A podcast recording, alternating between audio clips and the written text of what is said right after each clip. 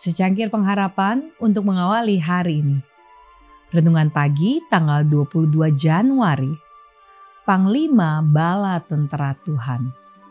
Keluaran 14 ayat 14 berfirman, Tuhan akan berperang untuk kamu dan kamu akan diam saja. Saya memikirkan tentang meditasi Kristus dan janjinya.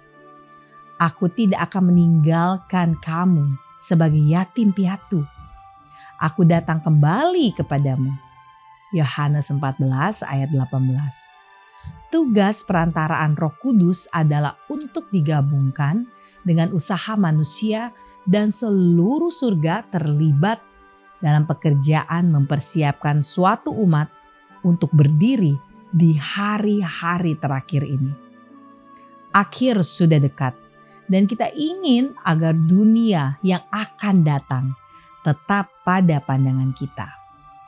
Beban doa saya adalah agar gereja-gereja dapat dibangunkan dari kelambanan moral mereka dan terbangun untuk usaha yang sungguh-sungguh dan penuh minat. Oh, seandainya mereka dapat melihat dan memahami bahwa dalam konflik terakhir ini, Panglima Bala Tentara Tuhan sedang memimpin bala tentara surga dan berbaur dalam barisan yang berperang untuk kita. Kita akan menghadapi kemurtatan. Kita harus menduga keberadaan mereka. Bahwa tidak semua mereka sungguh-sungguh termasuk pada kita. 1 Yohanes 2 ayat 19. Setiap tanaman yang tidak ditanam oleh Bapakku yang di surga akan dicabut dengan akar-akarnya. Matius 15 ayat 13. Malaikat-malaikat yang perkasa dari surga akan bumi menjadi terang oleh kemuliaannya. Sementara dia berseru dengan suara nyaring. Sudah rubuh, sudah rubuh Babel, kota besar itu. Wahyu 18 ayat 1 dan 2. Oh betapa saya ingin gereja bangkit dan bersinar karena kemuliaan Tuhan telah terbit atasnya. Apa yang tidak dapat kita lakukan di dalam Tuhan jika setiap agen manusia melakukan yang terbaik? Sebab di luar aku, kamu tidak dapat berbuat apa-apa.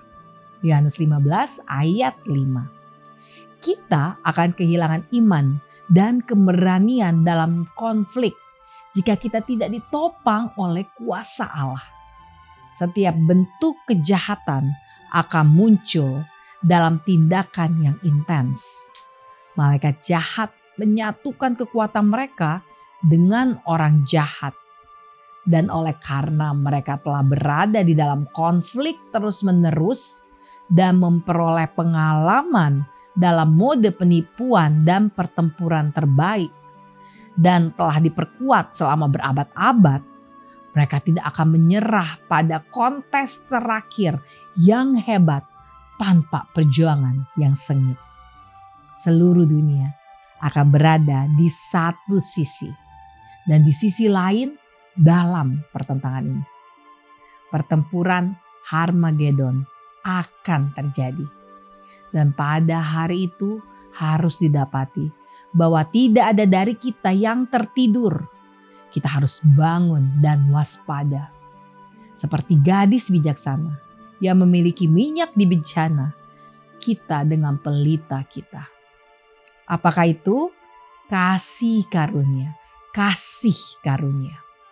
Kuasa Roh Kudus harus ada pada kita dan panglima bala tentara Tuhan akan berdiri di depan para malaikat surga untuk memimpin pertempuran. Doa kita hari ini, setan dan pasukan jahatnya akan melakukan segala daya mereka untuk melawan pasukan Tuhan. Sebab itu, mari kita meminta kekuatan dari Tuhan untuk menyanggupkan kita bertarung mengalahkan setan. Amin.